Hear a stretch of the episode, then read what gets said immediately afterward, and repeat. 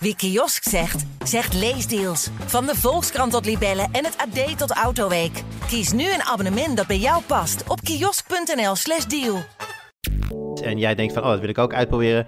Dan uh, kun je dat. En daarnaast kun je straks ook, en dat komt wel iets later dan de holidays waarschijnlijk. Maar je kunt straks ook. Uh, sorry hoor, mijn hond begint hier van alles te slopen.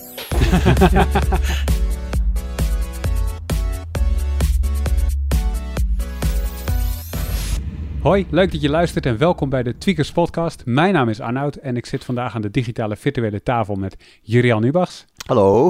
Reinoud Dik. Gegroet. En Thomas Horstenbach. Hoi. En uh, ja, we hadden van de week, ik denk dat het afgelopen week was, een kop op de frontpage. En daar stond bij de doorbraak van het decennium. Dat ging over Intel Alder Lake. En uh, met nu al, hè? Het decennium net begonnen. Ja, dat, nou, dat wou ik dus net zeggen. Het is, we zijn net bezig en ze weten nu al dat dit het gaat zijn voor dit decennium. Ik ben heel benieuwd wat daar precies achter zit. En uh, daar gaan we het vandaag dus uitgebreid over hebben.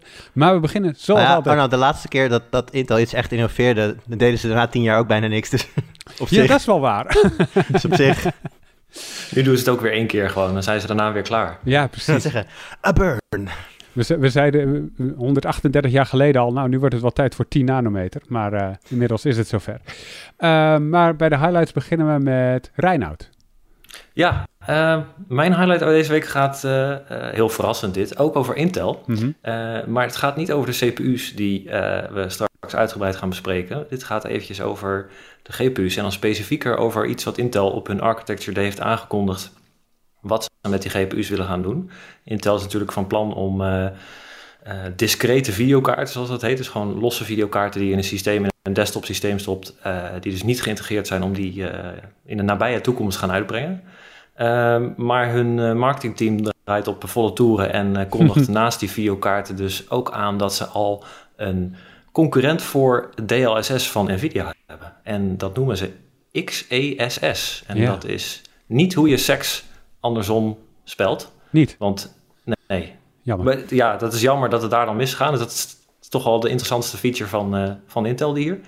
Maar um, ja, wat, ze daarmee, uh, wat ze daarmee willen doen is, is ja, een concurrent, uh, concurrerende technologie bieden voor DLSS wat Nvidia heeft. En ja, in mindere mate FSR wat, wat AMD dan heeft. Maar je gooit nu um, allemaal afkortingen over de, over de ether, Reinoud. Leg uit, wat is dat? Wat doet het ja, precies? precies.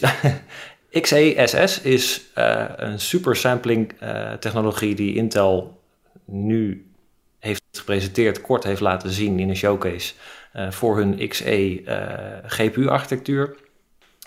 Wat ze daarmee doen is in dat opzicht vergelijkbaar met NVIDIA. Bepaalde rekeneenheden, rekenkernen die op een, op een GPU zitten, gaan ze inzetten om beelden te verhogen in resolutie. Dat is dus het supersamplen. Mm.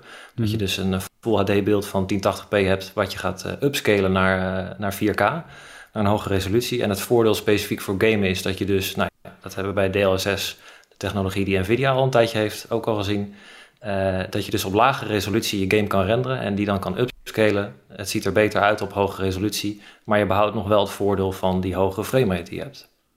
En hoe, um, hoe belangrijk is dat voor, voor zo'n voor zo'n nieuw, nieuwe videokaart?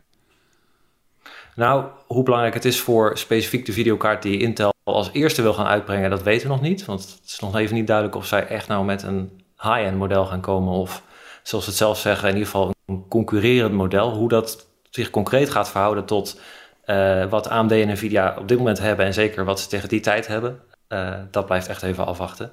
Um, maar zoals we bij DLSS en ook bij FSR hebben gezien. Het is een technologie die uh, voor veel gamers wel een voordeel kan bieden. Want ja, hogere prestaties, wie zegt daar geen nee tegen?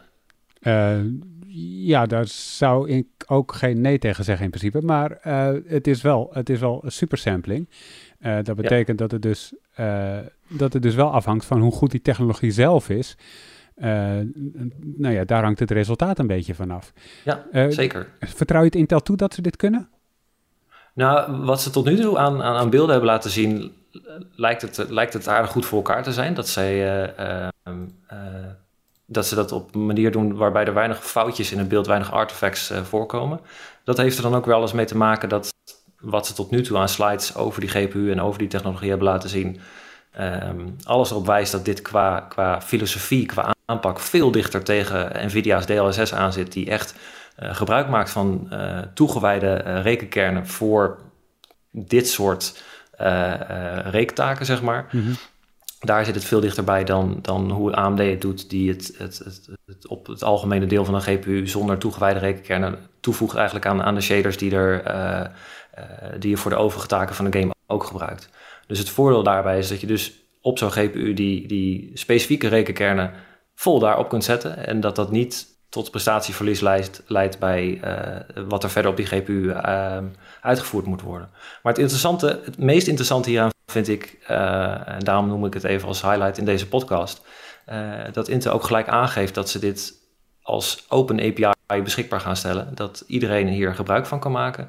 En dat zij um, ja, software developer kits voor het implementeren van deze technologie ook beschikbaar gaan stellen voor iedereen die daar gebruik van wil, uh, wil maken.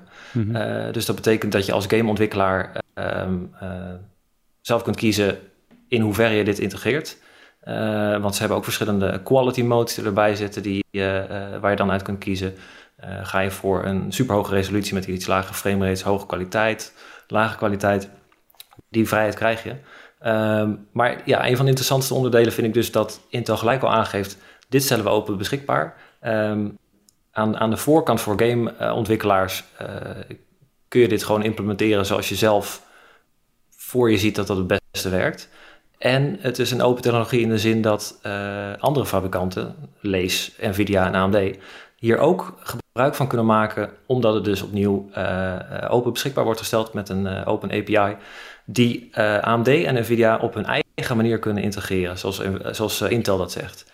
Wat daarmee onderliggend wordt bedoeld, is dat je dus die op die Open API met je eigen videokaart, of dat dan een eentje van AMD of van Nvidia is, uh, dus gebruik kunt maken van het XeSS, waarbij je dus soort van je eigen engine schrijft om, om dit aan te sturen. Dus het is niet een compleet gesloten systeem, maar je kunt wel als eigen fabrikant kun je dus zo optimaal mogelijk versnelling toepassen op uh, op dit hele algoritme dat, uh, dat Intel beschikbaar maakt. Ja. En als dat lukt, als, als dit uh, tractie krijgt, om het zo maar te zeggen, dan, wat nog wel een flinke opgave is, dan zou dat voor gamers onder de streep wel goed nieuws kunnen zijn als iedereen hier zoveel mogelijk gebruik van kan maken. Ik denk dat dat ook gelijk de, de, de sterkte en de zwakte is van, van, van XCSS zoals het nu is aangekondigd. Die vrijblijvendheid en, en die openheid. Kijk, het, het kan worden geïntegreerd in games en je kunt het zelf implementeren, ook al ben je AMD of Nvidia. Maar de vraag is natuurlijk of ze dat gaan doen.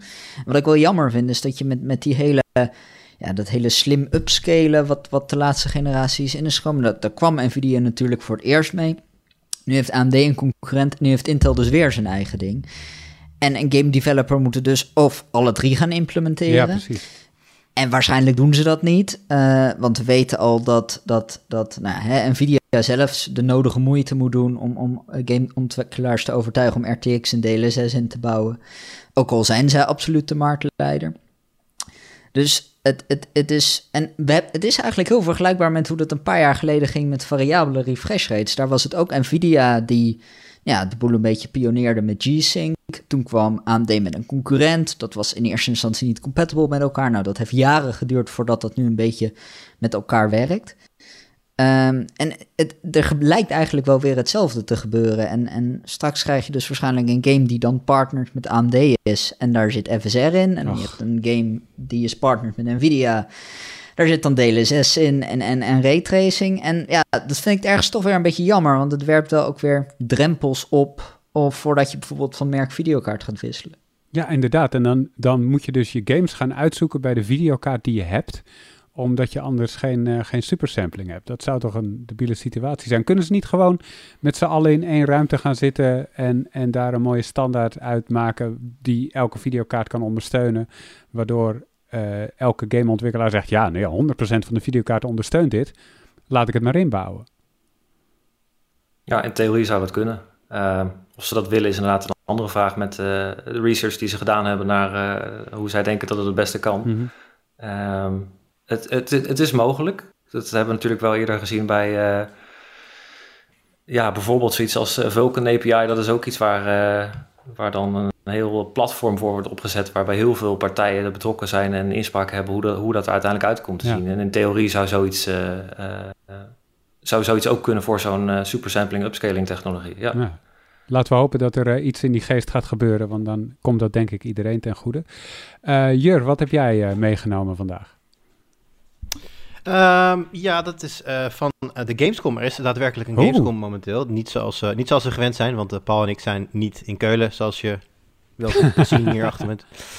Um, maar dat betekent niet dat het geen nieuws komt vanaf de Gamescom. En Microsoft heeft aangekondigd dat ze ja, in de, during de holidays, oftewel voor kerst, hun cloud gaming service gaan brengen naar consoles. De cloud gaming kon natuurlijk al langer op Android en volgens mij sinds juni ook op iOS en ehm, ja, volgens mij op Windows via een webapp. Mm maar uh, per uh, dit najaar, uh, vlak voor kerst, kun je ook gaan streamen naar je Xbox-console. En dan vraag je jezelf af, waarom is het leuk? Want je kunt die games natuurlijk allemaal al spelen op die consoles. Nou, twee redenen.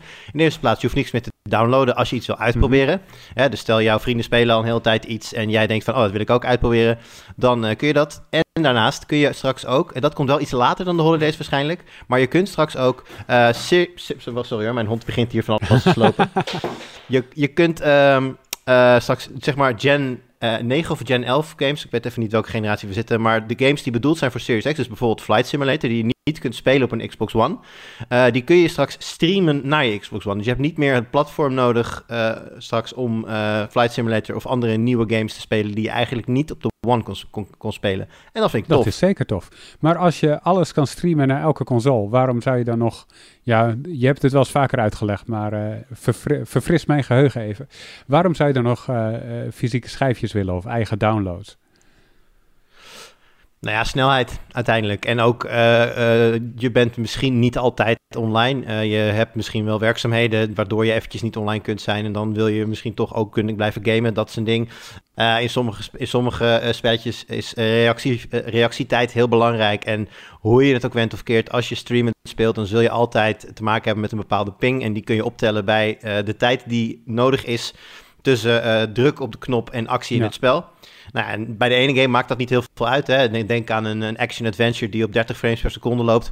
Ja, dat soort games zijn over het algemeen niet zo heel erg uh, geënt op exacte timing. Maar bij een game als iets als Dark Souls bijvoorbeeld, dan daar is op exact het juiste moment iets doen is heel belangrijk. Uh, bij shooters net, net zo. Maar ja, in hoeverre je daar gevoelig voor bent, dat hangt een beetje af van hoeveel je zelf gamet, hoe geoefend je bent. De een zal het amper doorhebben en voor de ander is het een heel groot verschil. Maar dat is wel de reden dat uh, zeker hardcore gamers hun games toch ook nog wel lokaal zullen willen houden. En is er ook nog een, een, um, een, een, bepaalde markt voor games die je niet per se bezit, omdat het ruimte inneemt op de, op de opslag van je console, hè, waar natuurlijk de ruimte beperkt is. Alle games zijn best wel groot, maar je hebt een terabyte volgens mij op een Series X. Ehm, is dat, zou dat nog een reden zijn om te zeggen, nou, dan ga ik maar streamen, want dan neemt het geen ruimte in op mijn opslag?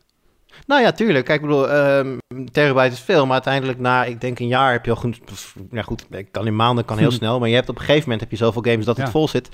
Ja, en dan uh, is het een kwestie van uh, kiezen. Dus dan moet je dingen gaan verwijderen. En ik kan me heel goed voorstellen dat je denkt van, nou ja, uh, zeker als je iets gaat uitproberen en nog helemaal niet weet of je um, echt op je, op je console wil houden, dan is eerst even streamen lekker. En nou, wat ik al zeg, bij sommige games kan je het echt prima doen zonder dat je er nadelige gevolgen van hebt. Ik denk bijvoorbeeld dat Flight, Simmer, Flight Simulator heel goed gestreamd ja. zou kunnen worden. Um, ook omdat het ook een hele zware game is. Dus dat, dat, eh, hij draait niet super uh, snel op de... Ook zelfs niet op de Series X. Je hebt, je hebt daar te maken met flink lange laadtijden. Nou, weet ik niet of dat heel veel sneller gaat zijn. Want volgens mij, uh, de serverparken, zeg maar, de hardware waarop je speelt, is wel allemaal gebaseerd gewoon op de Series mm -hmm. consoles. Dus dat zou impliceren dat je niet per se betere prestaties hoeft te, hoeft te verwachten. Kijk, dat kan natuurlijk wel, hè. Als je uh, bijvoorbeeld een middelmatige PC hebt staan en je gaat een PC-game streamen, dan heb je best kans dat je betere prestaties hebt dan dat je zelf zou hebben gehad als je lokaal ja. uh, speelt. Ja, dat hoef je waarschijnlijk niet te verwachten bij deze servers. Oké, okay. zijn jullie game streamers, Thomas, Reinoud? Nou, ik heb nog niet echt games gestreamd.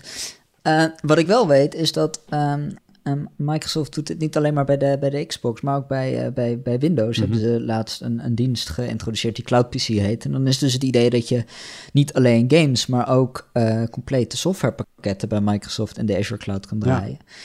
En dus niet alleen voor, voor, voor games is dat in theorie heel interessant, maar bijvoorbeeld ook als jij een dik videobewerkingssysteem in de cloud hebt en je hoeft zelf alleen maar je, je, je dunne laptop mee te nemen op reis.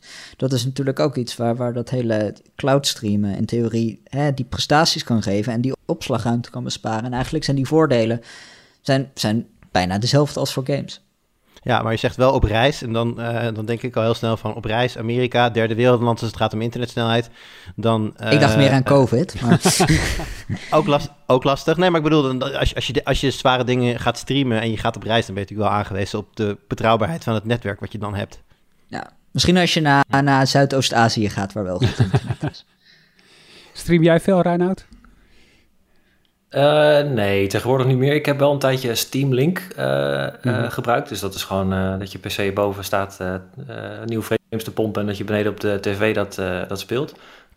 wat op zich best goed werkt, want dat is natuurlijk gewoon in je eigen thuisnetwerk. En daar is de, zeker als je alles bekabeld doet, is de latency heel voorspelbaar. Ehm, maar op dat moment kwam ik erachter dat ik denk ik best een, een, een purist op, qua beeldkwaliteit ben. Omdat je dan toch merkt, er wordt een bepaalde videocompressie toegepast. Um, het is niet meer dezelfde ervaring als je gewoon echt native speelt. En uh, zelfs dan zit er nog een klein beetje vertraging in. Al moet ik zeggen, die, die input latency met, met Steam Link vond ik heel erg meevallen. Maar de beeldkwaliteit, ik zie gewoon af en toe artefacten. En dat is iets waar ik me dus blijkbaar uh, akelig veel aan kan storen. dus ik denk dat voor mij streaming het nog wel even duurt voordat het echt goed, uh, goed rond is. En ik denk in dat opzicht dat...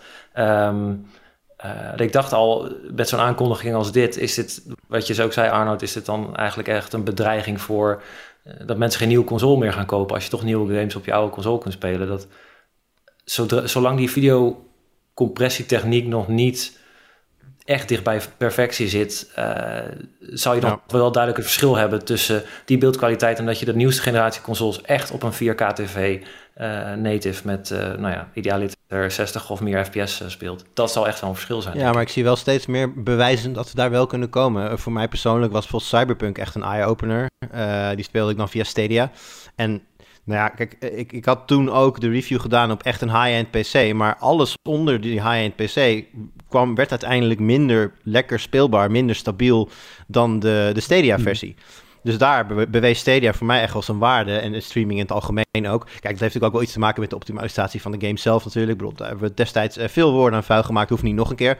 Maar dat gaf wel heel duidelijk aan van... Ja, kijk, als je toch niet over dat, echt die toplage hardware beschikt... dan ja, zijn er dus uh, use cases mogelijk... waarbij uh, de streaming oplossing het gaat winnen van de lokale oplossing. Ja. Ja, zeker. En zeker omdat je veel minder investering hebt... denk ik dat echt voor het overgrote deel van, van de markt uh, dit iets heel interessants gaat worden. Gewoon, al, het, gewoon het hele concept van game streaming. Je ziet het met, uh, met muziek streamen, je ziet het met video, serie streamen, uh, ook met games. Um, ja, dat wordt, ik denk dat het ook steeds meer niche zal worden. Iedereen die zeker echt een high-end PC thuis heeft staan om daar de allerbeste beeldkwaliteit uit te halen, dan moet je um, er veel geld voor over hebben om die laatste paar pixels native te willen Maar ik ben alleen een beetje bang ja, voor ben, is... is we hebben natuurlijk bij muziek en bij, bij series, hè, bij, bij Netflix en zo gezien, dat de, de echte purist die delft dan toch een beetje het, het onderspit. Het gaat dan toch, de, de focus ligt meer op massa dan op kwaliteit. Ik vrees dat we dat bij games ook een beetje gaan zien. Want er, er, ik bedoel, we hebben het nu misschien een paar jaar over game streaming. En in vergelijking met, met lokaal games spelen is het natuurlijk nog iets heel kleins. Maar ik denk dat, dat zowel Microsoft als Sony, en misschien zelfs wel vooral Microsoft, daar enorme potentie in zien. En dat de focus de komende jaren denk ik meer gaat liggen op het nou, zoveel mogelijk mensen laten cloud gamen dan om ja, de, de experience voor die echte purist zo goed mogelijk te krijgen. Maar het is een glijdende schaal. Ik, bedoel, eh, ik denk dat er heel veel mensen zijn die nu toch wel gewoon naar Spotify en andere streaming services luisteren. Die ja, van binnen eigenlijk wel die purist zijn. En die eigenlijk misschien wel hun allerfavorietste uh, dingen nog steeds op, gewoon op album of grammofoon weet ik het wat hebben. Maar uiteindelijk gewoon, uh, uiteindelijk gewoon uit gebruiksgemak toch een keer die overstap gaan maken. En ik denk dat dat voor gamers net zo gaat zijn. Zeker als de techniek van streaming die stapjes blijft zetten. Hè, dan, dan ga je op een gegeven moment denken van ja, inderdaad, waarom zou ik nog straks de Nvidia 4000 kopen? Want als ik net uh, zoveel 100 euro heb hè, voor, de, voor een 3000 serie kaart. Op een gegeven moment houdt dat dan een keer op. Al, zolang de kwaliteit van dat streamen maar gewoon blijft meestijgen. Dat is ja, en ik denk ook dat uh, het hangt er ook vanaf wat je precies wil. Als je uh, vijf high-end games per jaar wil spelen, zeg maar de, de, de, de AAA-titels allemaal uh, wil spelen, dan kan een console of een, of een, of een uh, game-PC, die kan echt uit. Als je eens per twee jaar denkt, nou, deze game wil ik wel echt spelen, ja, dan is een streaming-oplossing denk ik veel economischer. Ja, ja, je ziet het dan weer. Ik heb het Wout vaak horen zeggen. Wout wil eigenlijk wel de, de PlayStation exclusive spelen. Maar ja, dat zijn er gewoon. Het, aantal games dat hij dan wil spelen, dat kan gewoon niet uitvormen dan ook nog een PlayStation in huis te halen. Maar ja, als ze dan inderdaad uh, via een streamingoplossing beschikbaar zouden zijn. Of, uh, en dat, dat, komen ze trouwens, of inderdaad op PC worden aangeboden. Dan uh, krijg je toch weer een, een nieuwe doel, doelgroep ja, erbij. Inderdaad. Thomas, wat heb jij meegenomen vandaag? Ja, de, de, de Older Lake presentatie van vorige week was niet de enige presentatie. En Gamescom is ook niet de enige beurs die deze week plaatsvindt. Er is er namelijk nog één, dat is uh, Hot Chips in uh, de VS. En uh, het is alweer de 33ste editie van die conferentie. En dat is een echte, echte nerdbeurs waar de ontwikkelaars van processors en, en, en PC-platforms samenkomen. En, en ja, met elkaar bespreken wat ze allemaal hebben, hebben uitgevonden het afgelopen jaar. Uh, wat ze hebben bedacht om processors slimmer te maken, om ze sneller te maken, om ze zuiniger te maken. En uh, nou ja, dat zijn dus echt de, de, de, de, ontwikkelaars, niet de mensen waar wij normale journalisten mee praten, maar echt de mensen die het zelf bedenken. Van, van AMD, van Nvidia, van Intel, die op die beurs uh, presentaties geven. En normaal gesproken is dat natuurlijk een fysieke bijeenkomst en dat is nu natuurlijk niet zo. Dus uh, het, zijn, uh, het zijn allemaal livestreams. En een, een deel daarvan is ook uh, voor, het, voor het publiek En een deel niet dus? Of komt beschikbaar. Nee, dan, er, het is wat dat betreft ook wel een beetje een insiderbeurs. Hmm. Want als je dus echt elke presentatie wil zien, dan moet je een kaartje kopen. En die kosten volgens mij wel een paar honderd okay. euro. Voor de digitale livestream. Dus dat is wel pittig. Aan de andere kant, het is natuurlijk ook wel heel erg niche. Zeker, dus, ja. Maar wat... Maar wat, wat mij daar opviel, is uh, dat eigenlijk welke presentatie je ook keek, of dat nou die van Intel was, of die van AMD, of die van Nvidia, het ging bij iedereen over packaging technieken. Uh, en dat zijn dus technieken die uh, chipfabrikanten gebruiken om meerdere chips met elkaar te combineren op één substraat, op mm -hmm. één PCB en dus feitelijk in één product. En uh, eh, AMD had daar een, een, hele mooie slide van, waar ze alle technieken van, van hunzelf, maar ook van concurrenten, om dat te doen, uh, naast elkaar hadden gezet. Nou, en dat was een slide, daar stonden misschien wel vijf verschillende voorbeelden van. En uh, toen dacht ik, toen ik die slide zag, van oké, okay, ik zit nu echt even naar de, de toekomst van chipproductie te kijken. Want als je ziet dat Intel op alleen Intel al vier, vijf verschillende soorten uh, technieken heeft ontwikkeld. TSMC heeft er een aantal.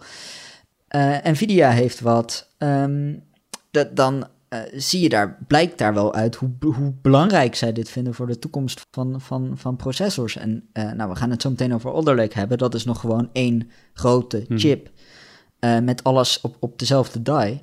En toen dacht ik, nou, dit kan wel eens een van de laatste grote uh, processorproducten zijn die ik uh, ga Maar waarom, waarom, die nog uit één Waarom zijn ze daar zo mee bezig? Wat is er zo belangrijk aan dat packaging voor de toekomst?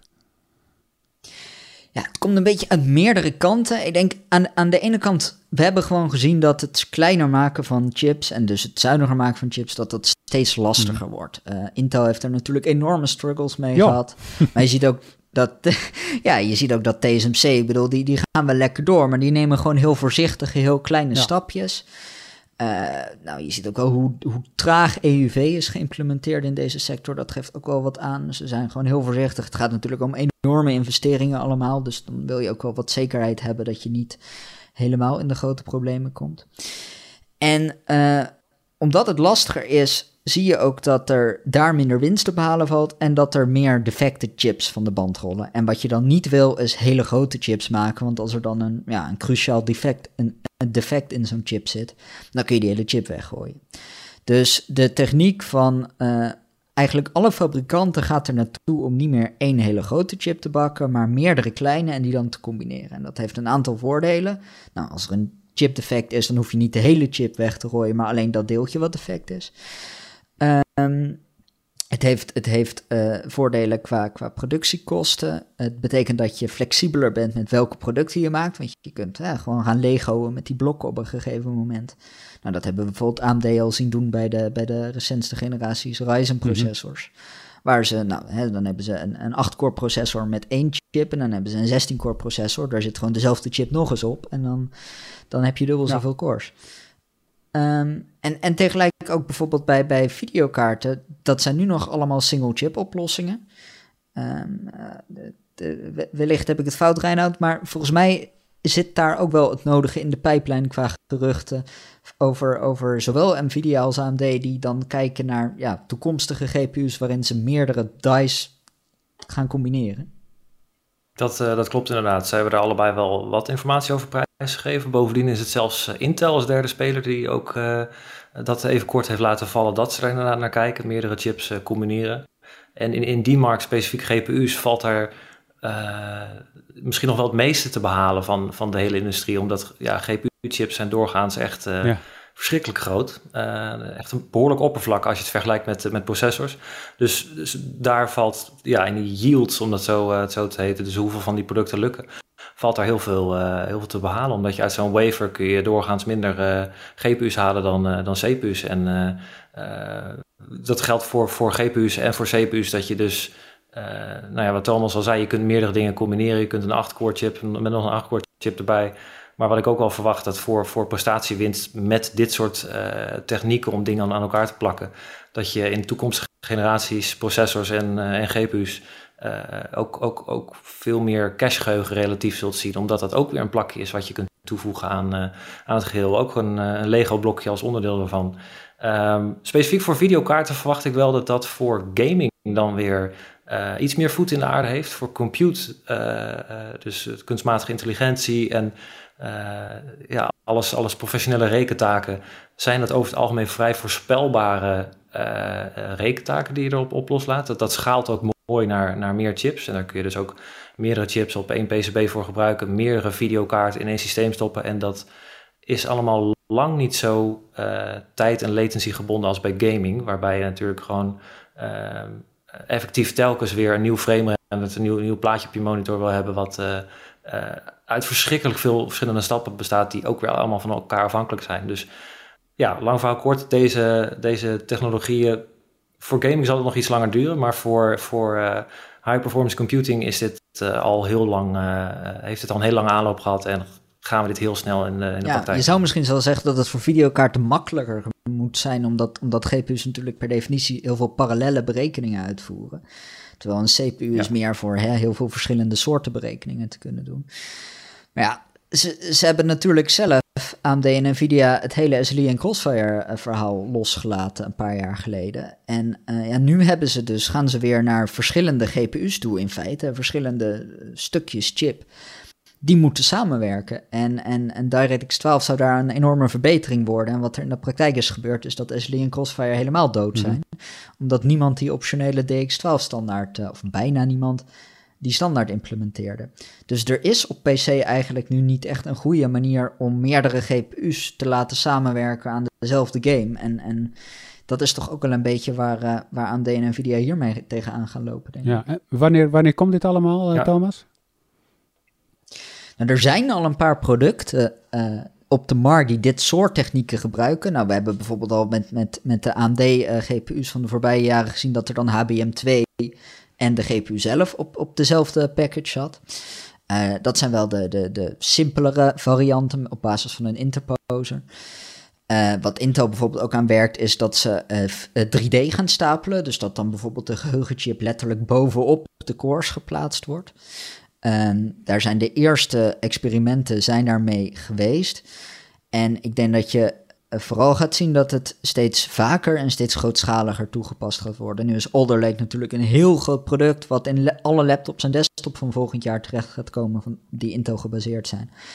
Dus daar durven ze het nog niet, maar je ziet bijvoorbeeld de, de Xeons van de volgende generatie, die krijgen zo'n techniek om uh, ja, aan hele hoge uh, aantallen cores te kunnen komen zonder één hele grote chip te moeten pakken.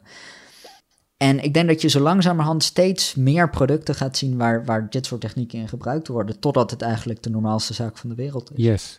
Nou, dat zijn leuke dingen die eraan komen. En uh, tot slot ga ik dan nog even, tot slot van de highlights bedoel ik, hè, ga ik dan nog even renten. Want jullie zijn zo positief over packaging, over cloud gaming. Uh, ja, We zijn dus dan toe. moet er weer ouderwets gerend worden. Samsung. Die uh, is uh, de fabrikant die op het gebied van bootloaders het meest gebruikersvriendelijk is. Namelijk als je de bootloader wil ontgrendelen van een Samsung-telefoon, ga je de ontwikkelaarsinstelling in. Weet je wel, zeven keer op het beeldnummer drukken van je, van je telefoon. En daar staat gewoon een schuifje. En als je die overhaalt, dan zegt hij: hey, ik ga de bootloader ontgrendelen voor je. Hartstikke fijn is dat gebeurd. Allemaal hartstikke mooi. Totdat de Z Fold 3 uh, ten tonele verscheen. De nieuwe vouwtelefoon van uh, Samsung van uh, 1800 euro, zeg ik uit mijn hoofd. Daar kan dat ook nog steeds. Dat kan allemaal, het is niet vergrendeld. Alleen, nu staat er een waarschuwing bij. Als je dit doet, dan uh, schakelen de camera's zichzelf uit. En dan werken die niet meer. En dan zou je nog kunnen denken, oké, ze dreigen een beetje en dan maken ze niet waar. Maar als je de bootloader ontgrendelt, zo heeft XDA Developers uitgevogeld, je doet dat echt, dan, uh, dan werkt de camera-app niet meer, die crasht onmiddellijk. Uh, Third-party camera-apps, die werken ook niet meer, die geven alleen een zwart beeld. Kortom, je camera's werken gewoon niet meer. En dat vind ik echt heel raar. Ik, uh, waarom, ja, waarom? Uh, waarom doet uh, Samsung dit, Arnoud? ik heb geen idee. Wellicht is het iets met de, de, manier waarop ze de camera's aansturen. Dus de software die eronder ligt om van jouw plaatje een hele mooie JPEG te maken. Dat zijn natuurlijk allemaal eigen technieken op gebied van computational photography. en op het moment dat je het bootloader ontgrendelt, kan je daar misschien makkelijker bij om die uit de software te halen schat ik in. Misschien is het zoiets, dus dan deactiveren ze dat. Maar op het moment dat je de bootloader weer vergrendelt, uh, dan werken ze weer. Dus op het moment dat je nu met die Z Fold 3 een custom ROM wil gaan flashen, wat sommige mensen op een gegeven moment wellicht willen gaan doen, um, ja, dan moet je daar dus even aan denken om de bootloader aan het eind weer te vergrendelen, want alleen dan werken je camera's weer, uh, ook onder een custom ROM, en anders werkt dat niet. Maar ik vind dit een rare, jammere stap. En ik hoop, uh, ik hoop uh, dat ze daar snel op terugkomen of in elk geval goed uitleggen waarom dit echt noodzakelijk is. Want nou ja, je, je hoeft mensen niet ervan af te schrikken om de bootloader te ontgrendelen. Veel mensen vinden het eng zat. En als je dat voor het eerst gaat doen en je ziet dit en je merkt ook dat de camera niet meer werkt, ja, dan denk ik wel dat je eventjes uh, aan het zweten bent. Zijn jullie trouwens, uh, Reinoud, heb jij wel eens uh, custom ROMs geflasht en bootloaders ontgrendeld en dat soort dingen? Ja, dat heb ik uh, op de meeste telefoons die ik, of elke telefoon tot nu toe die ik heb gehad, heb ik dat gedaan. Mm -hmm. En dat is uh, uh, elke keer goed, goed gegaan.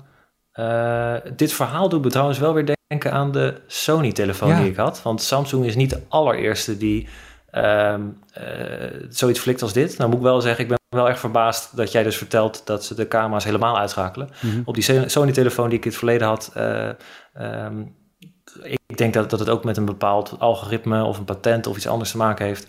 Als je de bootloader van dat ding ging unlocken, dan ging effectief de kwaliteit van je camera omlaag, omdat bepaalde algoritmes van Sony in die software, uh, die wilden ze niet meer beschikbaar maken voor iedereen die uh, een custom ROM ging flashen. Ja, ja. ja inderdaad. Dat, dat, het deed me ook denken aan Sony inderdaad. Maar voor de rest kan ik me geen voorbeelden herinneren van, van telefoons die, uh, die dat doen. Ben jij een bootloader ontgrendelaar, Thomas? Ik heb het voor het laatst gedaan op mijn HTC One. En dan zegt mijn, uh, zegt mijn zijn herinnering zegt 2013 oh, of zo. Wow. Dus dat, dat, is al wel de nodige tijd. En nu moet ik zeggen, die, die camera was standaard al zo brak... dat als ik met een custom ROM, dat die nog brakker werd. Dat was die ultra-pixel camera van ze inderdaad. 4 megapixels volgens mij. Ja, ja. precies. Dat, uh, dat was niet heel, uh, niet heel best. Um, Nee, maar ik vind het ook wel opvallend, omdat volgens mij was Samsung juist wel een van de partijen die redelijk open was met, met richting custom ROMs. En, en wat, wat je zegt, dat er überhaupt gewoon een schuifje is om dat te doen. En voor mij is dat bij de meeste andere merken is dat toch Klopt, wel wat lastiger. Ja. Um, dus dat het juist van Samsung komt, dat verbaast ja, me wel Ja, beetje. daarom ben ik ook heel benieuwd wat erachter zit en naar de hele uitleg. Maar tot nu toe geven ze die niet. Ja, en als je het geheim houdt, dan uh, kunnen we alleen maar gokken. En uh, Nee, want het staat ook echt in de tekst. Als je de bootloader ontgrendelt, dan staat er de camera's okay, ja. uh, gaan niet meer werken. En daarna werken ze ook niet meer. Dus het is echt niet per ongeluk. Ja. Nou ja, totdat ze met een statement zijn gekomen, is het dus, uh, ja, weten we niks. Maar is dan ook even spannend afwachten of, uh, of dit vanaf nu gewoon een nieuwe strategie is ja. met alle telefoons. Ja, inderdaad. Ja, daar ben ik ook heel benieuwd naar. Dat zal de toekomst moeten uitwijzen. Maar je zei net 2013, Thomas. Uh, en dat deed me eraan denken. Dat was volgens mij de laatste keer dat Intel een uh, sprong maakte op uh, gebied van productieprocedé, toch? 14. 2014 was het. 2014. Ja. 14 nanometer 2014. Maar nu moet ik wel zeggen dat de 14 nanometer proces was geheel en stijl ook alweer vertraagd. dus dat had er in 2013 al moeten zijn. En dit wordt dan de doorbraak van het decennium, zeggen ze zelf. Ja, is dat zo, Thomas? Gewoon even een simpel ja of nee. Denk je dat dit de doorbraak van decennium is? Wellicht van het afgelopen decennium. Slim antwoord, slim antwoord. Wat gaan ze doen? Thomas, leg uit. Wat is, uh, wat, wat, wat is Intel's grote plan wat, uh, met Alder Lake? Nou, het, het, het, is eigenlijk om te beginnen uh, de allergrootste release die Intel had kunnen doen. we, hebben een, nou, we zeiden net al, 2014 was de laatste keer dat ze van productieproces veranderen. Als we het even bij de desktop houden, want mm -hmm. laptop is een ander verhaal, maar we hebben het even over desktops. Tegelijkertijd wat Intel toen nog deed, is ze maakten de architectuur en het procedé, die maakten ze voor elkaar. Want toen hadden ze tik en tok en om en om kwam daar een nieuwe generatie. Dat betekende dus dat toen ze vast kwamen te zitten op dat 14 nanometer procedé, kwamen ze ook vast te zitten op de Skylake architectuur. Dat is eigenlijk pas begin dit jaar veranderd. En wat je nu ziet bij Alder Lake is dat is zowel dus een nieuw productieproces, uh, namelijk Intel 7, uh, als een nieuwe architectuur. En dan is het ook nog eens een, een, een stijlbreuk in de zin van dat, er een, uh, dat het een hybride processor is. Dat betekent dat er niet één soort cores in zit, maar dat er een combinatie in zit van kleine en grote cores. Dus eigenlijk net zoals je dat van, van, van smartphone processors gewend bent. En nou ja, als je dat allemaal bij elkaar optelt, dan is de stap die Intel nu binnen één generatie gaat maken, dat zou echt de grootste moeten zijn van het afgelopen decennium. Uh, de toekomst kijken, dat gaat natuurlijk niet zo lastig. Maar ik, ik denk eigenlijk best wel dat je kan zeggen als je hè, kijkt naar het zijn, het zijn nieuwe cores, of zelfs twee nieuwe cores dus. Het is een nieuw procedé en het is voor deze hele, ja, de hele aanpak van hoe deze processor werkt, is dit gewoon een first op de desktop. Ik kan me best wel voorstellen dat, dat als we over tien jaar terugkijken en we zien dan dat iedere processor voor de desktop zo'n combinatie van kleine en grote cores heeft, dat we dan wel terugkijken op, ja, dit was misschien wel de doorbraak. Wauw, dat antwoord had ik niet verwacht. Zat een hoop in. Ik wil even op een paar dingen terugkomen. Ten eerste, Intel 7 lijkt te duiden op 7 nanometer. Is het niet, hè? Nee, ja, nanometers hebben, de, de echte nanometers hebben überhaupt al heel lang niks meer te maken met productieprocessen. Nee, wat, wat Intel 7 is, uh, is een hernoemde versie van Intel 10 nanometer Enhanced Superfin. En dat is eigenlijk 10 okay. nanometer plus plus, als je het helemaal in de uh, oude naamgeving doet. Um, waarom hebben ze dat gedaan? Eigenlijk schreven we al heel lang. Uh, de Intel-procedés die zijn altijd vergelijkbaar met een één generatie nieuwer van TSMC en Samsung. Dus je zag bijvoorbeeld de 7 nanometer processen van TSMC en Samsung. Die waren qua nou, fysiek formaat, qua prestaties, qua power vergelijkbaar met Intel's 10 nanometer proces. En nou ja, dat kunnen wij wel keer op keer uitleggen. Maar als een consument gaat kijken en de specificaties naast elkaar ziet, dan ziet hij toch echt dat, dat Samsung en TSMC een beter proces hebben. Dus wat ze nu eigenlijk hebben gedaan is, ze zijn gestopt met de plusjes en ze zijn gestopt met, met nou, Enhanced Superfin, wat ze dan überhaupt maar één jaar hebben volgehouden. En uh, ze hebben het gewoon hernoemd naar Intel 7. En dat is dus 10 nanometer plus plus, maar wel vergelijkbaar met wat de rest ook 7. En um, een ander ding wat je zei is dat er, dat er dus twee verschillende soorten, dat, dat er een hybride architectuur in zit, een soort big little configuratie. Uh, snapt Windows dat? Of Linux of whatever, wie, wie het maar gebruikt? Ja, dat ligt natuurlijk, zit daar wel een, een, een, een vraagstuk, want we hebben in het verleden gezien dat zodra het ging om verschillende soorten cores, en dat was dan tot nu toe wat kleiner, zoals Intel en AMD hadden allebei een systeem om een soort van beste core aan te merken. En dan was het de bedoeling dat, dat die core kon dan hoger turboen dan de rest van de cores. Dus als je dan een zware single core taak had, die moest dan naar die core toe gaan.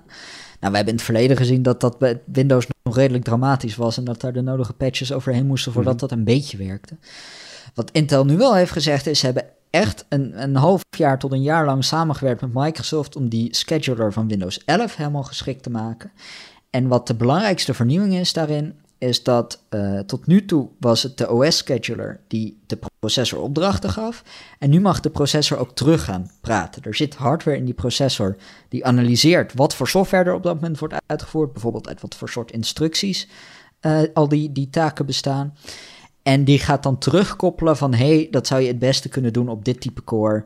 En dit zou de potentiële winst zijn, bijvoorbeeld als we dat van een zuinige core naar een snelle core overschakelen, of vice versa.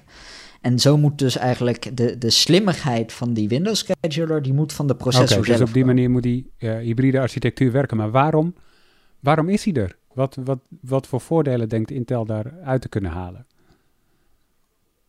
Ja, misschien is het wel goed om dan eerst even te kijken wat bedoelen we precies met zuinige cores en wat bedoelen we met snelle cores. Uh, de snelle cores zijn eigenlijk de cores die je tot nu toe gewend was van, van desktop uh, processors. En daar zit dan nu dus een nieuwe generatie van in, die heet Golden Cove.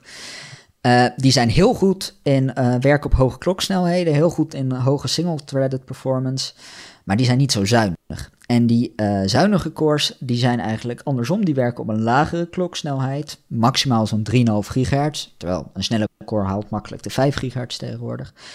En die zijn per stuk dus ook niet zo snel. Die zijn ook simpeler. Die zijn kleiner. De verhouding in oppervlakte is ongeveer 1 op 4. Dus in de uh, ruimte van één grote core kun je vier zuinige cores kwijt.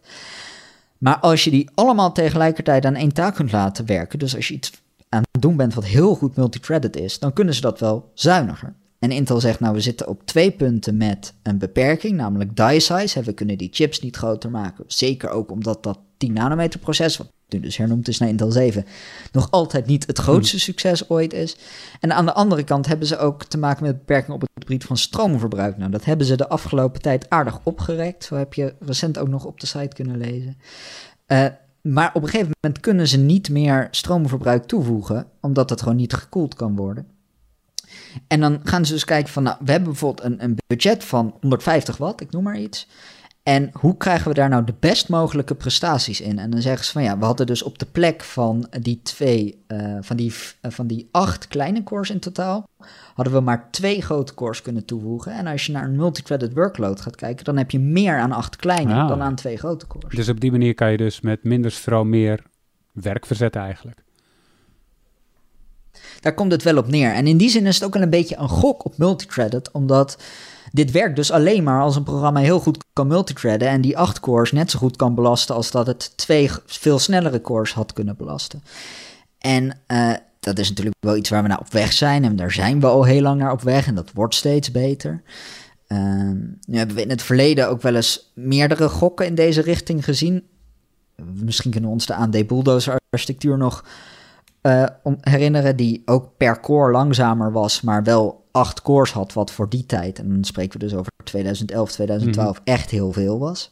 Nou, toen ja, was dat eigenlijk gewoon nog te vroeg. En achteraf kunnen we ook wel zeggen van ja, dat experiment was toen ja, te vroeg, of het was toen in ieder geval niet succesvol. Dit is eigenlijk ook weer een beetje diezelfde gok op multithreading. En we zijn nu tien jaar later. En uh, Misschien lukt het dit dat, keer wel. Uh, dat zal de toekomst moeten uitwijzen. Uh, ook uh, het, het, het, platform van Alder Lake is natuurlijk nieuw. We hebben dan DDR5 erbij, ondersteuning, PCIe 5.0. Reinoud, wat, wat heb je daaraan?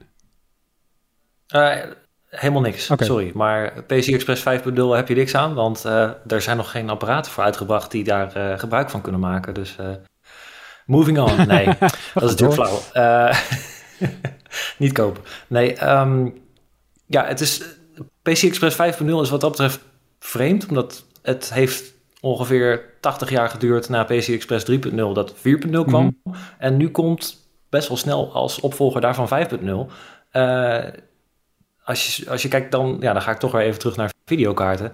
Uh, als je die überhaupt vandaag de dag kunt kopen, dan uh, heb je dus alleen op de nieuwste generatie PC Express 4.0 Uh, daarmee heb je meer geheugenbandbreedte dan op, uh, op 3.0. En opnieuw met PC Express 5.0 is de maximale bandbreedte weer twee keer zo hoog als bij 4.0.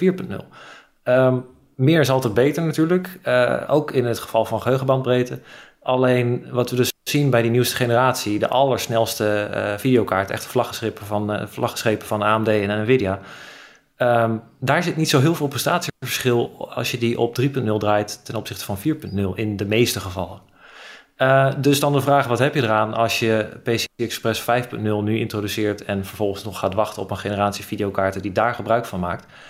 Uh, dan kunnen die qua specificaties op papier dus 5.0 ondersteunen, maar hebben ze het echt nodig? Het moet wel echt een behoorlijk uit de kluiten gewassen model zijn, wat nog echt weer drastisch veel meer ruwe rekenkracht heeft dan wat we nu aan high-end uh, videokaarten zien. Om ook maar enigszins in de buurt te komen van, van, van die limiet van uh, PCI Express 5.0. Dus qua videokaart is dat eigenlijk een beetje saai. Wat wel zou kunnen, is ehm, de wereld van SSD's. Dat, die is ook best hard in ontwikkeling. Dat zien we bij de nieuwe generatie consoles. Mm gaan de komende jaren waarschijnlijk voor games ook best wel wat belangrijke dingen mee gebeuren. Met de rack storage bijvoorbeeld. Ehm, de nieuwste generatie SSD's die zitten bijvoorbeeld al wel veel sneller tegen de, de maximale snelheid van PCI Express 4.0 aan. Dus dan is de vraag wel weer, ga je extreme modellen introduceren uh, die PCI Express 5.0 kunnen gebruiken, dan kun je die beperking daar wel weer weghalen. Dus op dat gebied is PCI Express 5.0 wel interessant. En DDR5? Maar DDR5, um, ja, dat is dus wel um, een nieuwe generatie werkgeheugen mm natuurlijk. Zitten nu ook al uh, erg lang op DDR4. Uh, eigenlijk een beetje hetzelfde verhaal. Daarmee introduceer je dus meer geheugenbandbreedte, uh, in dit geval voor de processor. Um, wat denk ik interessanter daarbij is, is niet alleen meer geheugenbandbreedte, maar een aantal andere features die DDR5 uh, eh, toevoegt. Een leuke daarvan is, is dat voor normaal DDR5 voor de desktop, de normale DIMMs, uh, is die opzet anders dan, dan voorgaande generaties waren. Dat je per geheugenmodule nu ja, als het ware twee geheugenkanalen hebt. Twee 32-bit geheugenkanalen in plaats van één 64 bits. Die onafhankelijk van elkaar zouden kunnen werken. Dus uh, daar heb je onder de streep meer aan als het aankomt op geheugenbandbreedte. Zitten verder ook nog wat andere slimme trucjes in om uh, de spanning dynamischer te maken, wat je met DDR5 nodig hebt. Wat ik, wat ik denk ik opvallender vind met, met Alder Lake is de, de uh, geheugencontroller zoals Intel hem uh, presenteert in de slides. Namelijk dat die geheugencontroller vier verschillende geheugentypes ondersteunt. Het, de voorgaande generatie, DDR4, maar dus ook de nieuwe generatie, DDR5 en uh, low power varianten daarvan voor het mobiele segment. Dat onderstreept dus ook al nogmaals wat, wat Thomas net al zei, dat dus deze chips duidelijk voor zowel laptops als voor desktops zijn, zijn ontwikkeld. Ja. Um, wat dus logisch is, want je kunt dus als je een systeem gaat bouwen, kun je dus als systeembouwer, laat ik het zo zeggen, heb je dus als het aankomt op die geheugencontrole althans, heel veel vrijheid in wat voor geheugen je daar knoopt. Dan denk ik dat we in de praktijk niet zo heel snel veel moederborden voor de desktop zullen zien die met Alder Lake nog gebruik maken van DDR4. Maar wat bijvoorbeeld wel zou kunnen, omdat ze van die uh, low power varianten gebruik maken, dat je uh, ja, lekker compacte PC'tjes, nukjes of uh, andere mini-ATX systeempjes gaat maken. Ehm, als ook bijvoorbeeld heeft in het verleden dit soort gekke bordjes wel eens gemaakt met, met high-end chips van, van Threadripper of, of Xeons of iets dergelijks, waar dan uh, ook SODIMM-modules, dus die kleinere ja, laptop-geheugenmodules zeg maar, op zitten. Um, dat soort geheugenchips kun je dus ook uh, integreren in het systeem. Dus dat je die in het, uh, in de moederbord vastgesoldeerd zet. Daarmee kun je die systemen nog kleiner maken. Dus dat, um, ja, dan krijg je wat meer, wat meer overlap tussen, tussen de desktop en, en de mobiele um, chips. Wat op, op termijn dus voor misschien hele afwijkende uh, pc'tjes of weer hele andere soort laptops kan zorgen. Ja, spannend wat daarmee gaat gebeuren. Thomas, ik onderbrak je. Wou je nog iets toevoegen? Ja, nou, we hadden het net over Express 5.0 en, en wat Reinhard inderdaad zei, dat, dat fascineerde me wel dat het voor SSD's eigenlijk juist veel logischer lijkt dan voor videokaarten. Maar wat Intel dus doet bij, bij socket 1700, bij die, die nieuwe socket voor Alder Lake op de desktop, is de 16 lanes die normaal gesproken voor de videokaart worden gebruikt, die doen PCI Express 5.0. En dan heb je daarbovenop nog vier lanes die uh, normaal gesproken voor een M2 SSD worden gebruikt. En die werken op 4.0 snelheid. Ja. Nou, schiet mij maar lek. Uh, dat is dus ook wat we aan Intel hebben gevraagd. Van ja, waarom? Uh, en daar kregen we eigenlijk niet echt een duidelijk antwoord op. Uh, ze zeiden van ja, die, in theorie kun je die 16 lanes ook splitsen. En dan kun je hem voor een SSD gebruiken. En dan, dan, hè, dan heb je er 8 voor je videokaart, 8 voor een SSD. Dat zie ik in de praktijk niet echt gebeuren. Wa waar ik denk dat het meer vandaag vandaan komt, is er zijn dus gewoon nog geen PCI Express 5.0 SSD's. Um, en die kunnen ze dus ook nog helemaal niet verifiëren dat dat werkt. En dat is toch iets crucialer dan bij een videokaart. Want op het moment dat er iets niet goed werkt met een SSD, dan ben je data aan het verliezen. Uh, dus ik denk dat ze hem daarom nog niet aandurven om ook al 5.0 voor SSD's te doen. Ook al denk ik dat het in de praktijk de levensduur van dit platform gaat Basic Express 5.0 eigenlijk okay, helemaal nog, nog iets voor de verre toekomst. En uh, Jur, jij als uh, relatieve buitenstaander uh, in, in, in, in deze markt, hoe, hoe kijk jij naar deze ontwikkelingen? Ehm, met name, kijk, ik, ik ga natuurlijk niet zo diep mee hè, in, alle, in alle terminologie die hier over tafel wordt gegooid. En, en, ik snap natuurlijk niet precies waarom het een belangrijk is het ander. Maar de overkoepelende boodschap is vooral dat uh, Intel beter beslagen ten ijs komt. En ik vind dat een hele goede ontwikkeling. Omdat nou ja, als je nu een PC of een game PC in elkaar gaat klikken, dan kom je toch voor de processor mm -hmm. eigenlijk standaard bij AMD uit. En ik denk dat de situatie waarin je in ieder geval voor, voor beide een valide case kunt bouwen waarom, het een of het ander, waarom je het een of het ander zou willen gebruiken, dat dat sowieso voor de eindgebruiker altijd een positieve ontwikkeling is. En ik zit dan wat meer in die hoek, dus ik denk van nou, dit is tof. De komende, als we de komende jaren weer wat meer gezonde concurrentie gaan zien, dan uh, denk ik dat dit Zie- een belangrijke stap is geweest. Wat een keurig diplomatiek antwoord. Maar zie je dat ook zo, Reinoud? Want mij, ik, ik heb dat idee ook hoor, dat Intel nu ineens weer harder gaat lopen in zeg maar 1, 2 jaar nadat AMD duidelijk de, de, de kroon heeft overgenomen. Ja, dat kan toch haast geen toeval zijn? Nee, dat is, uh, dat is geen toeval. Het is sowieso wel grappig. Dat bedacht ik me net eventjes. Als we het hierover hebben. Wat hier, nou, hier ook zegt. Uh, dat het wel fijn is dat, dat, dat Intel ook gewoon mee blijft doen. Dit, dit zijn uitspraken die gewoon een paar jaar geleden ja. echt ondenkbaar waren geweest. Toen het met AMD wat minder ging. Oh ja, nee, wat fijn dat Intel niet helemaal. Ja. Dat iets beter beslagen ten huis komt. Gelukkig maar. Um, dus dat zegt ook wel een hoop over wat er inderdaad in korte tijd veranderd is. En um, waar Intel echt wel flink van geschrokken is. Uh, nou zullen ze in die hele refresh van refresh van refresh van Skylake, wat ze jarenlang gedaan hebben, hebben ze in die tussentijd ook niet stilgezeten. Uh, ze hebben verder gewoon uh, veel, heel veel intellectual property hebben ze natuurlijk. Ze hebben heel veel kennis in huis en ze hebben een, een, een, een, bak geld waar een, een, een klein, klein land in de wereld jaloers op zou zijn, zeg maar. Um, als, om een staatskast te hebben. Dus die, die middelen zijn er wel. En ik, um, ik denk dat ze, dat ze sinds AMD zoveel meer concurrerend is geworden... dat ze echt vol gas hebben gegeven op het verder doorontwikkelen... van wat ze op dat moment al hadden liggen. Uh, plus echt goed kijken naar wat ze um, moesten doen om, om weer beter concurrerend te zijn. En dat is niet keer op keer op je bek gaan met hetzelfde procedé... en hele ingewikkelde grote CPU's maken. Uh, en in die tijd zag je dan bijvoorbeeld ook dat ze, um, dat, dat, ze, dat ze misschien een beetje op hun teentjes getrapt waren en, en uh, uh, gemeen boodschappen gingen uitsturen over hoe je processors niet aan elkaar moest lijmen. En dat was inferieur aan, aan hoe zij het deden met complete chips, monolithische chips die, die, die betere prestaties zouden bieden. Maar achter, achter de deuren wisten ze heus wel dat er echt iets moest ja. veranderen, denk en, ik.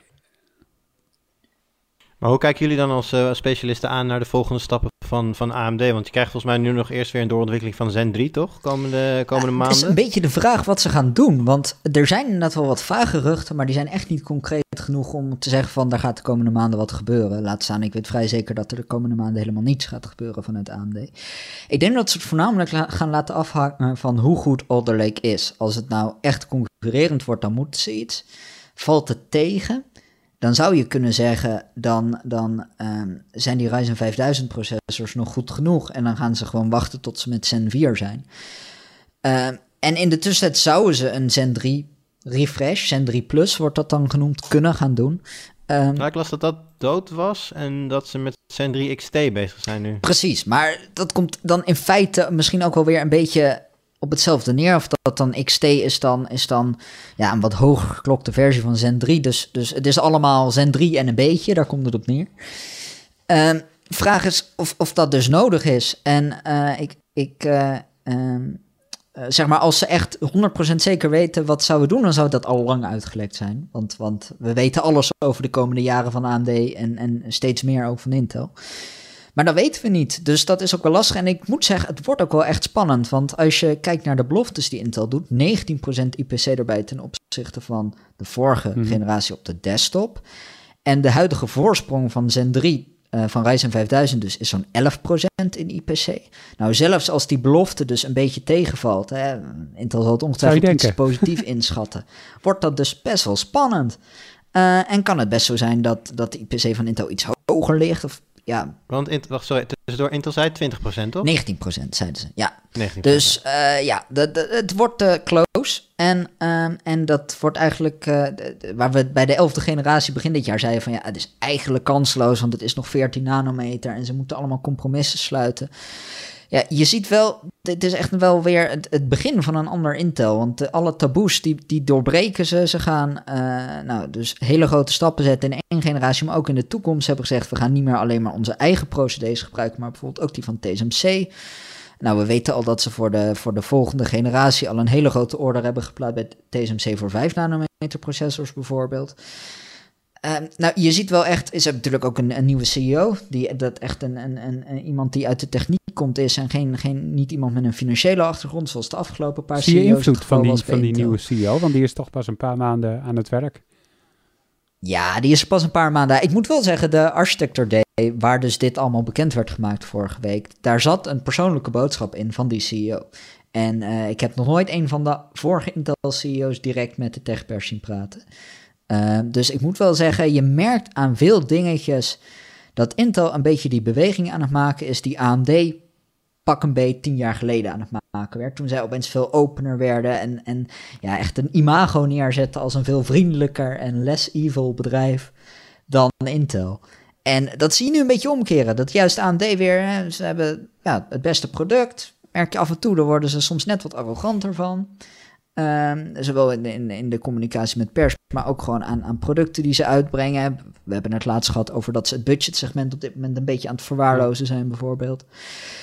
Dus je ziet het een klein beetje omkeren. En, en de vraag is: blijft dat nu bij deze mooie woorden en deze generatie? Of is dit inderdaad gewoon uh, het begin van een, een tijdperk waarin Intel weer veel meer te antwoorden heeft op wat AMD Wat denk jij, Reinoud? Is dat, uh, zit dat erin? Komen Intel en AMD weer naast elkaar? Ja, nou, ze, staan op dit moment in ieder geval nog. Ik bedoel, we hebben het dan eventjes over hoe, uh, hoe dramatisch uh, het vooruitzicht was voor, voor Intel ten opzichte van AMD. Um, ik kijk er nog steeds naar dat, dat Intel en AMD vandaag de dag meer tegenover elkaar staan dan ze jarenlang hebben gedaan. dus dat is sowieso positief. En misschien in bepaalde opzichten ziet het er voor Intel nog niet goed uit, omdat ze bewezen hebben wat ze echt met Alder Lake kunnen. Um, maar bijvoorbeeld in de marktaandeel zie je dat, ze, dat het ook weer niet zo dramatisch snel gaat dat ze echt uh, uh, een brandend huis uitrennen, om het zo maar te zeggen. Zo, uh, zo erg is het ook weer niet. Um, wat inderdaad wel, wel interessant is, is hoeveel kan Intel hiervan Mhm. waarmaken van alles wat ze presenteren? Want de, de, de communicatie is niet goed. Inderdaad, met een andere CEO die vanuit, vanuit de techniek veel meer komt. Um, kun je in bepaalde opzichten denk ik betere stappen zetten. Ik bedoel, als er een bedrijf is wat dat heeft laten zien, dan is het AMD wel. Wat met uh, Dr. Lisa Su ook uh, uh, flink overstag gegaan is en ja, wat heel succesvol uitpakt. Dus ik verwacht ook wel dat, um, dat, dat Intel dat kan doen. en ja, qua concurrentie, we weten niet precies wat AMD op dit moment nog in de pijplijn heeft, maar wat ze even kort hebben laten zien is die V-cache, dat uh, grote plakgeheugen die ze nog bovenop bestaande processors uh, plakken. Ja, misschien uh, zien ze dat voorlopig nog even als een jokerkaart om concurrentie aan Intel te bieden als, Mhm. als Alder Lake heel goed blijkt te zijn en dat ze ondertussen echt verder werken aan een volgende architectuur en tot die tijd gewoon een bestaande serie refreshen. Goh, van welke fabri fabrikant kennen we dat ook alweer? En daar wat geheugen bij plakken, ja. Is dat die test die ze hebben gedaan toen met, uh, volgens mij was het Gears of War 5, dat ze met die V-cache, uh, ik geloof 12% framerate uh, stijging konden halen op inderdaad dezelfde processor, maar dan met zo'n uh, ja, zo'n zo'n zo'n extra cache erboven. Ja, zo'n zo cache ja. werkt enorm goed voor games. Dat zagen we ook bij, bij Zen 3. een van de belangrijkste redenen waarom Zen 3 zo goed is in games, is omdat ze een hele hoop L3 cache erbij hebben gegooid voor, voor die processors. En, en ja, veel geheugen dit ook nog eens snel en, en, en makkelijk beschikbaar is. Daar, dat zijn echt de game workloads die dus niet per se heel goed multithreaded zijn. Die kunnen met heel veel cache juist wel echt goed schalen vaak. Dus, uh, en trouwens ook dat met die 3DV-cache is dus weer zo'n zo'n zo'n packaging techniek waar we het aan het begin uh, over hadden. Dus nou, het lijkt er toch wel op dat die inderdaad wel echt een bepalende rol gaan spelen qua nou, wat de komende jaren de, de beste processors gaan zijn. Hebben we dan toch eindelijk een processor gevonden die straks Crisis kan spelen? Misschien de eerste. Hey, en tot slot Thomas, wanneer, uh, wanneer komt al dit uh, spul uit? Wanneer uh, kun je Alder Lake processors gaan kopen? En wanneer kunnen we ze gaan testen? Ja, inderdaad, dat mo moeten we inderdaad wel even zeggen, want anders laten we de mensen helemaal in het ongewisse achter. nee, ze hebben het niet officieel gezegd, maar uiteraard weten we het wel. We weten sowieso eind oktober, uh, volgens mij 27 en 28 oktober, heeft Intel een innovation event gepland. Staat van we meer horen over Mhm. toekomstige spannende producten. Nu lijnt dat heel toevallig heel mooi uit met wat de belofte die ze hebben gemaakt, namelijk de herfst. Ehm, wat wel al de geruchten zijn, is dat alleen de high-end modellen, dus de overklokbare K-processors, dat die dit jaar komen. En dat bijvoorbeeld eh, de rest van de desktop line-up en de processors voor laptops pas op CES of begin eh, volgend jaar komen. Dus het is eh, wat dat betreft toch niet helemaal de Big Bang release die je verwacht. Aan de andere kant, het is in potentie een enorme stap. Laten we niet vergeten, dit is voor het eerst in, in jaren dat, dat alle productreeksen van Intel, of het nou Xeons voor servers zijn, of het nou laptop CPU's zijn of desktop chips, weer allemaal naar dezelfde architectuur, hetzelfde proces komen. En uh, ja, weer allemaal directe familie van elkaar zijn, om het zo maar te zeggen. Dus nou ja, dat Intel daar iets langer mee bezig gaat zijn dan dit jaar om dat allemaal helemaal op poten te zetten, dat, uh, dat uh, is ook wel redelijk. Yes. Nou, dan sluiten we hem daar af. Dat duurt dus nog even voordat Alder Lake processors op de markt komen. Maar er komen wel dingen op de site komende week al. Geen review van Alder Lake dus. Uh, maar wel, Jur, een, uh, een review van Deathloop van Paul, toch? Preview. Preview. Ja, Paul heeft hem uh, volgens mij kunnen spelen, weet ik niet helemaal zeker. Ik denk het wel, maar ik ben heel benieuwd. Het is een game van Bethesda. Uh, hele interessante grafische stijl, een beetje stylized, uh, shaded stijltje. En volgens mij is het idee dat je een soort van time loop terechtkomt en daar uh, ja, al, al, al vechtend, schietend uh, uit moet zien te komen. Dus, nou goed, dat, uh, dat, daar lees je dan meer over in de preview van Paul. Yes. En ook nog heel leuk, een, een verhaal van Wout. Dat, dat, dat, dat zegt hij ook niet elke week en ik zeg het helemaal nooit. Over Starlink, want we hebben, als we met hem online contact hadden afgelopen weken, ging dat veelal via satellieten. En een uitgebreide bespreking daarvan, die, die komt komende week op de site. Ook nog een verhaal van mij en dat ligt wel dicht bij uh, de highlight die ik had. Ik heb namelijk een hoop bootloaders ontgrendeld en daar custom ROMs op gezet voor een how-to. Hoe je custom ROMs zet uh, en daarbij gaat het om diverse custom ROMs, diverse telefoons om te kijken hoe die installatie verloopt en hoe eng dat is als je het eigenlijk nog nooit hebt gedaan. Dat kan ik niet meer doen, want ik heb het al heel vaak gedaan. Maar toch, ik heb gekeken naar die installers en wat je dan allemaal tegenkomt. Heel interessant. Uh, dat komt uh, komend weekend uh, komt dat, online. Dus dat wordt een leuk weekje op Tweakers, denk ik. Dank jullie wel, jongens, voor deze podcast. En dankjewel voor het luisteren. Feedback kan in de reacties naar, op het forum of naar podcast.tweakers.net. En tot volgende week. Doei. Doei.